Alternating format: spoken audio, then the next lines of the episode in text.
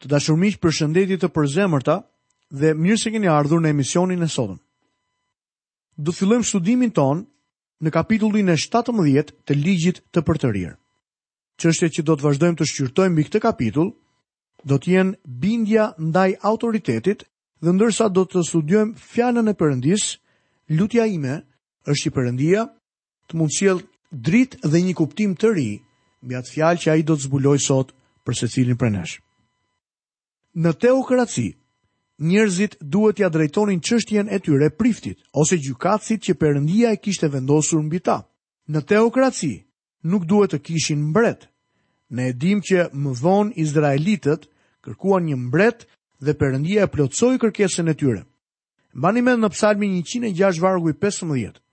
Fjala e Zotit thotë, dhe u dha atyre sa i kërkonin, por dërgoi midis tyre një lëngatë që pakësoi numrin e tyre.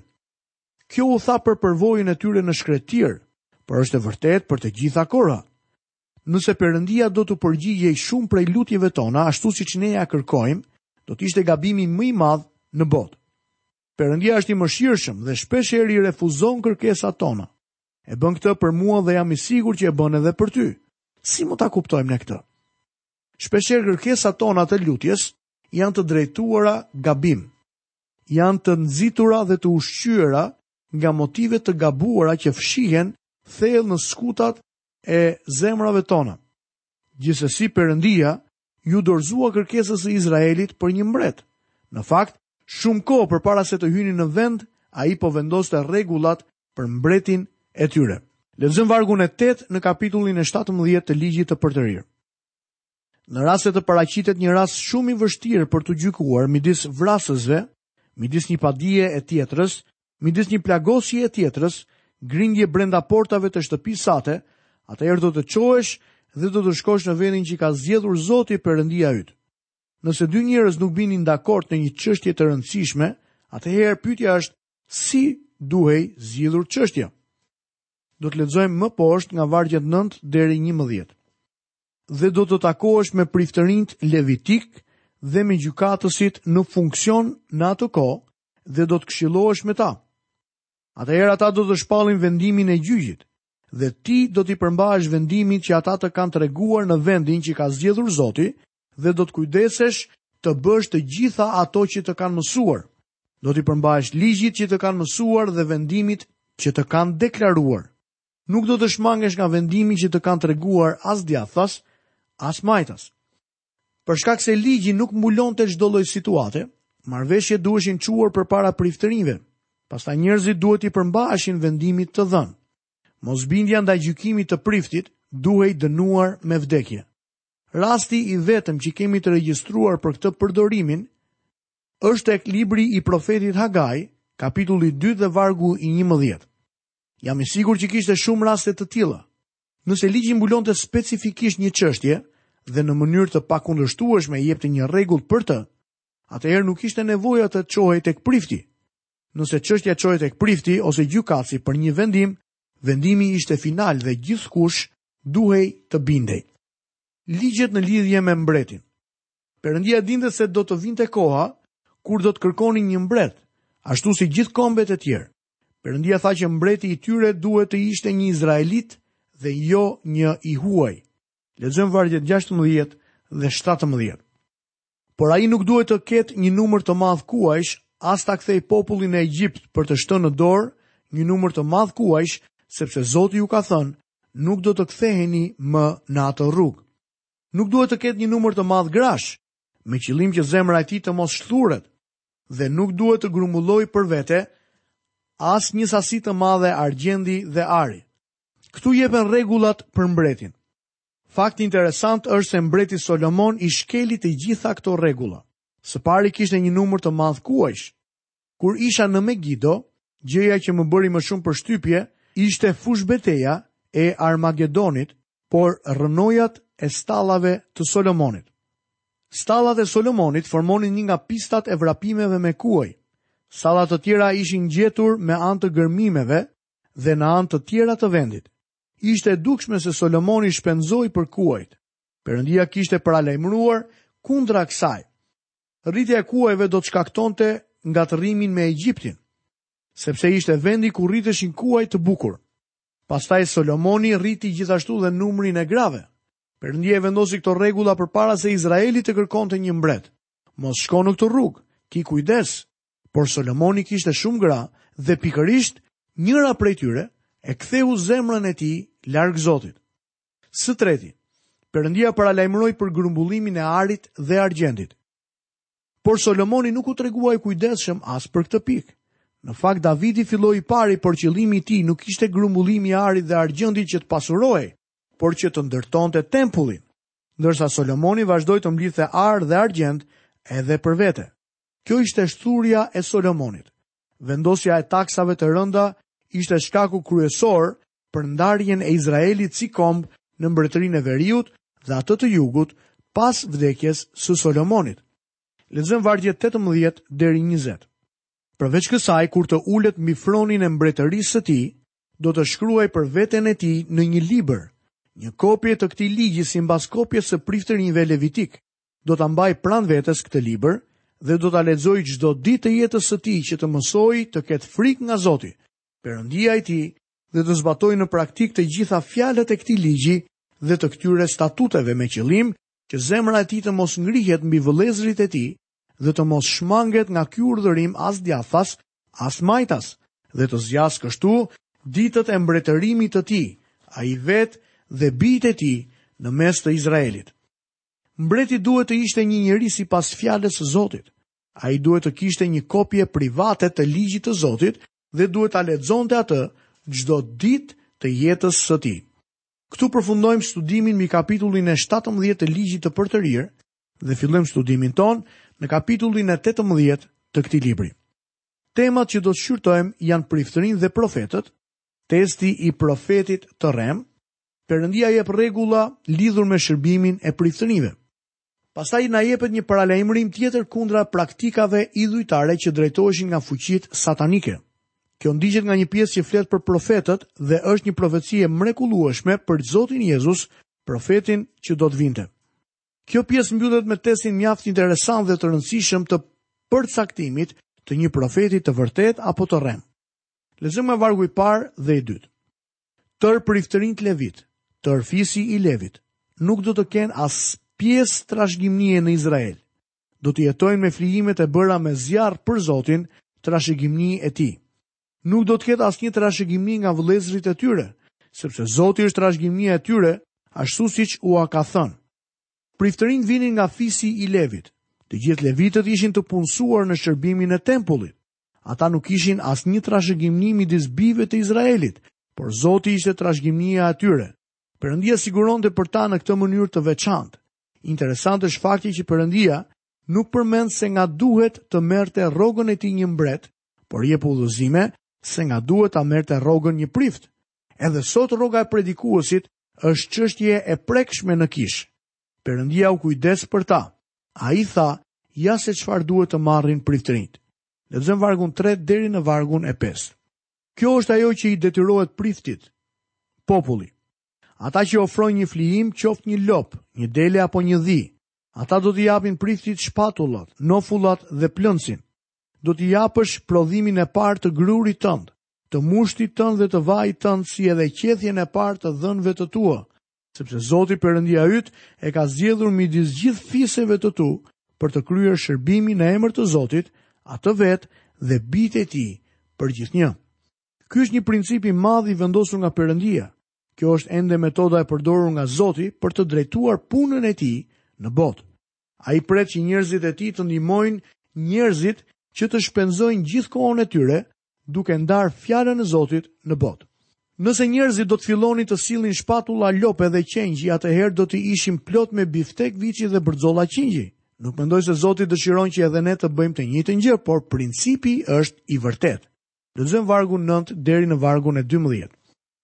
Kur do të hysh në vendin që Zoti Perëndia yt po të jep, Nuk do të mësosh të shkosh pas veprave të neveritshme të këtyre kombeve, të mos gjendet midis teje ndonjë që e kalon birin ose bijën e vet nëpër zjarr, as ndonjë që praktikon shortarinë, bën parashikime, interpreton shenja dhe merret me magji, as ai që përdor yshtje, as mediume që konsultojnë frymërat, as magjistarë, as ai që ndjell të vdekurit, sepse të gjithë ata që merren me këtë punë neveriten nga Zoti.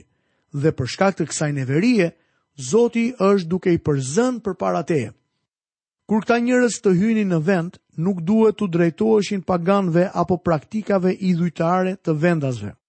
Ky paralajmërim përsëritet dhe në Dhjatën e Re, apostulli Pal shkroi se në kohën e fundit disa do ta mohojnë besimin duke u vënë veshin frymërave gënjeshtare dhe doktrinave të demonëve. Ata do t'i drejtohen botës së padukshme sataniste. Tani më lejoni të projektoj gjykimin tim. Dhe ju mund të merrni gjërat që kanë vlerë.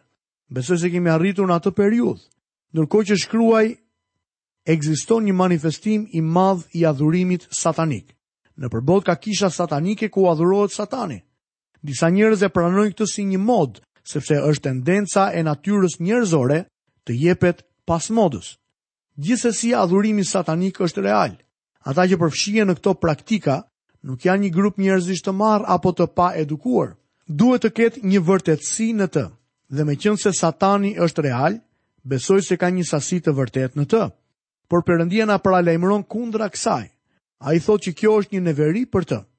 Duhet t'ju them edhe diçka. Ekziston një rrezik nëse luaj me astrologjinë. Mbani mend se në kapitullin e mëparshëm lexuam për dënimin e adhurimit të diellit, hënës dhe yjeve. Shumë njerëz sot e vendosin theksin më shumë tek astrologjia sesa tek Bibla. Depo dhe rafte magazinash janë të mbushura me materiale për astrologjinë. Media po i jep shtysë. E shohim ngado që kthehemi. Kjo për disa persona është një biznes shumë fitimprurës. Miku im, astrologjia është një neveri përpara Zotit. Mos mendoni se ka mangësi në këtë gjë. Perëndia vetë e quan neveri. Pse? Sepse i largon njerëzit nga Zoti i gjallë dhe i vërtetë. I zhyt në errësirë dhe në demonizëm. Bota e demonëve është një realitet. Kjo është e vërtetë dhe sot shumë njerëz janë të intriguar me të. përdorin drogë dhe çdo mjet tjetër që mund t'u shkojë në mendje për të pasur një kontakt me këtë botë të padukshme. Bota satanike është mjaft e gëzuar të lidhë kontakte me ta.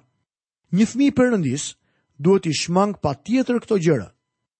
Çdokush që largohet në atë drejtim, Ka një besim të dobët dhe nuk po i beson në të vërtetë Zotit Jezu Krisht si shpëtimtar. Ai po largohet nga Fryma e Shenjtë dhe nga fjala e Zotit. Perëndia ka paralajmëruar për gjëra të tilla. Ka ndodhur që paralajmërimet e tij në të kaluarën kanë qenë shumë të sakta dhe goditjet të shkëlqyera. Ai nuk ka humbur asnjë prej tyre.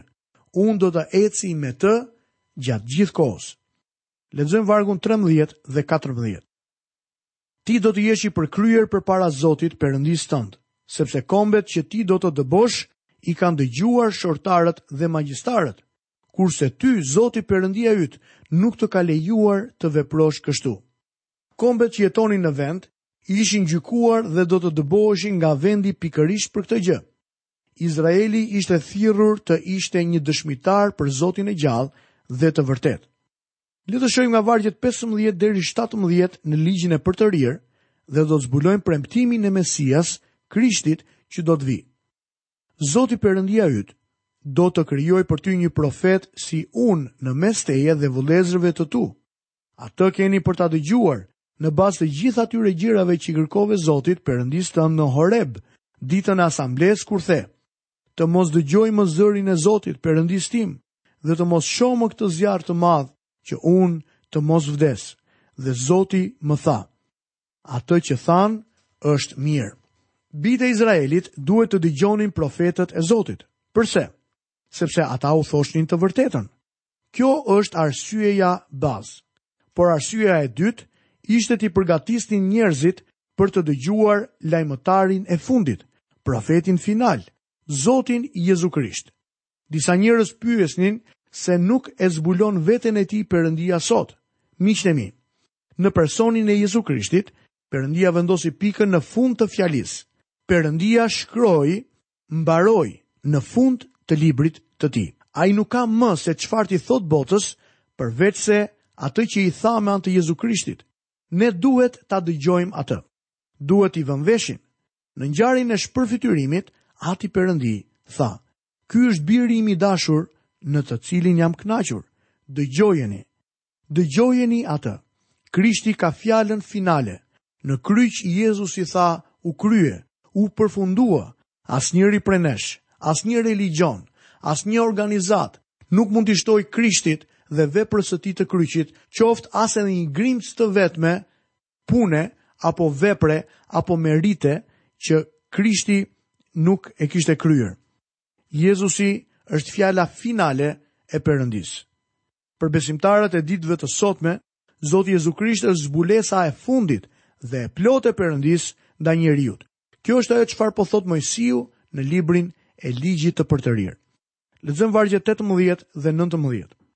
Unë do të nxjerr për ta një profet nga gjiri i vëllezërve të tyre dhe do të vë në gojën e tij fjalët e mia dhe ai do t'u thotë atyre të gjitha ato që unë do t'i urdhëroj.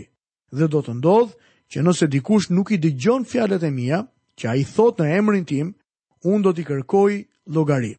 Ju me siguri e mbani mend që Zoti Jezus tha se fjalët që foli nuk ishin nga të tijat, por të Atit të Tij.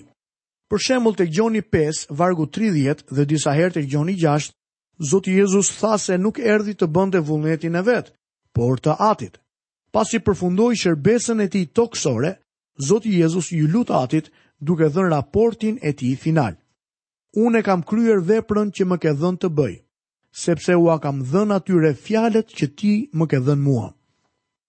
Nëse Perëndisë do t'i duhej të fliste nga qielli në këtë moment, nuk do të thoshte asgjë të re. Ai vetëm do të përsëriste veten, sepse gjithçka që donte të na thoshte gjendet në personin e Jezu Krishtit. Kjo është arsyeja që ne duhet ta lëmë më një anë astrologjinë. Natyra njerëzore ka gjithmonë tendencën për të eksploruar të panjohurën, për të ditur të ardhmen. Ekziston një dëshirë e pashuar për të hetuar gjërat e mistershme. Të gjithë ne kemi pak nga shpirti i Kolombit. Në këtë kohë, në këtë botë, jemi duke eksploruar hapësirën dhe thellësitë e oqeaneve, hapësirat dhe thellësitë e universit, na pëlqen të arrijmë zona të pashkelura. E bëjmë këtë gjë jo vetëm në hapësirë, por edhe në kohë. Njeriut i pëlqen kjo. Ai do të mësojë për të ardhmen e mistershme. Çfarë ndodhet përtej së ardhmes? Çfarë do të na sjellë e ardhmja? Të gjithë do të pëlqente ta dinim këtë. Apo jo? Njerëzit janë të shqetësuar për të ardhmen. Gjithmonë ekziston një pyetje. Çfarë do të ndodhë nesër? E ardhmja është si një derë e mbyllur. Kujtesa mund të të çojë në të kaluarën, por nuk ekziston asnjë mjet që mund të të çojë në të ardhmen. Në derën e së ardhmes gjenden të shkruara fjalët. Ndalohet hyrja. E sotmja është e nesërme vetëm për të djeshmen. Njeriu është i kufizuar në kohë dhe në hapësirë. Për të kënaqur këtë dëshirë të pashuar, Kanë dalë disa spiritualistë paganë, shtriga, magjistarë, fallxhorë dhe parashikues. Perëndia i paralajmëron njerëzit e tij kundër këtyre gjërave. Kjo në fillim ishte e lidhur me idhujtarinë dhe ishte satanike. A mund të thonë ata të vërtetën? Po ka ekzistuar një shkallë e caktuar saktësie. Grekët përdornin orakullin e Dehlit dhe me sa duket morën disa informacione të sakta nga ai. Kjo gjë është satanike. Thonë se Hitleri drejtohej nga disa parashikues. Njoftimet e renditura në çdo qytet sot do t'i tregojnë që ka shumë parashikues fati magjistarë që bëjnë një jetë të përsosur duke folur për të ardhmen. E ardhmja është një fushë ku njeriut nuk i është dhënë sundimi. Vetëm Perëndia mund të parathotë të ardhmen dhe e ardhmja i përket atij. Një karakter unik i fjalës së Zotit është se shkon përtej së tashmes. Prova më e madhe për mua është se Bibla është fjala e Perëndisë dhe është përmbushja e profecive. Një e katërta e krejt Biblës ishte profeci në kohën kur u shkrua, dhe një pjesë e madhe e saj pothuajse është përmbushur. Perëndia ka regjistruar profecitë në lidhje me qytetet, kombet dhe perandoritë më të mëdha të botës. Në këto rrethana mund të dalin profetë të rremë, ashtu siç ka edhe sot. Ata donin statusin dhe pozitën që i përkisnin profetit të vërtetë të Zotit. Por si mund të mbrohej Izraeli nga profetët e rremë? Perëndia vendos një test, një provë, me anë të së cilës ata mund të siguroheshin nëse një njeri ishte një profet i vërtetë i Zotit apo jo. Hollësitë e këtij testi, kësaj prove, do t'i mësojmë në programin e javës së ardhshme, dhe deri atëherë nga vëllai juaj në Krishtin Akil Pano, paçi bekimet e Perëndisë dhe paqen e Tij në jetën tuaj. Bashkë mirudëgjofshim në emisionin e ardhshëm.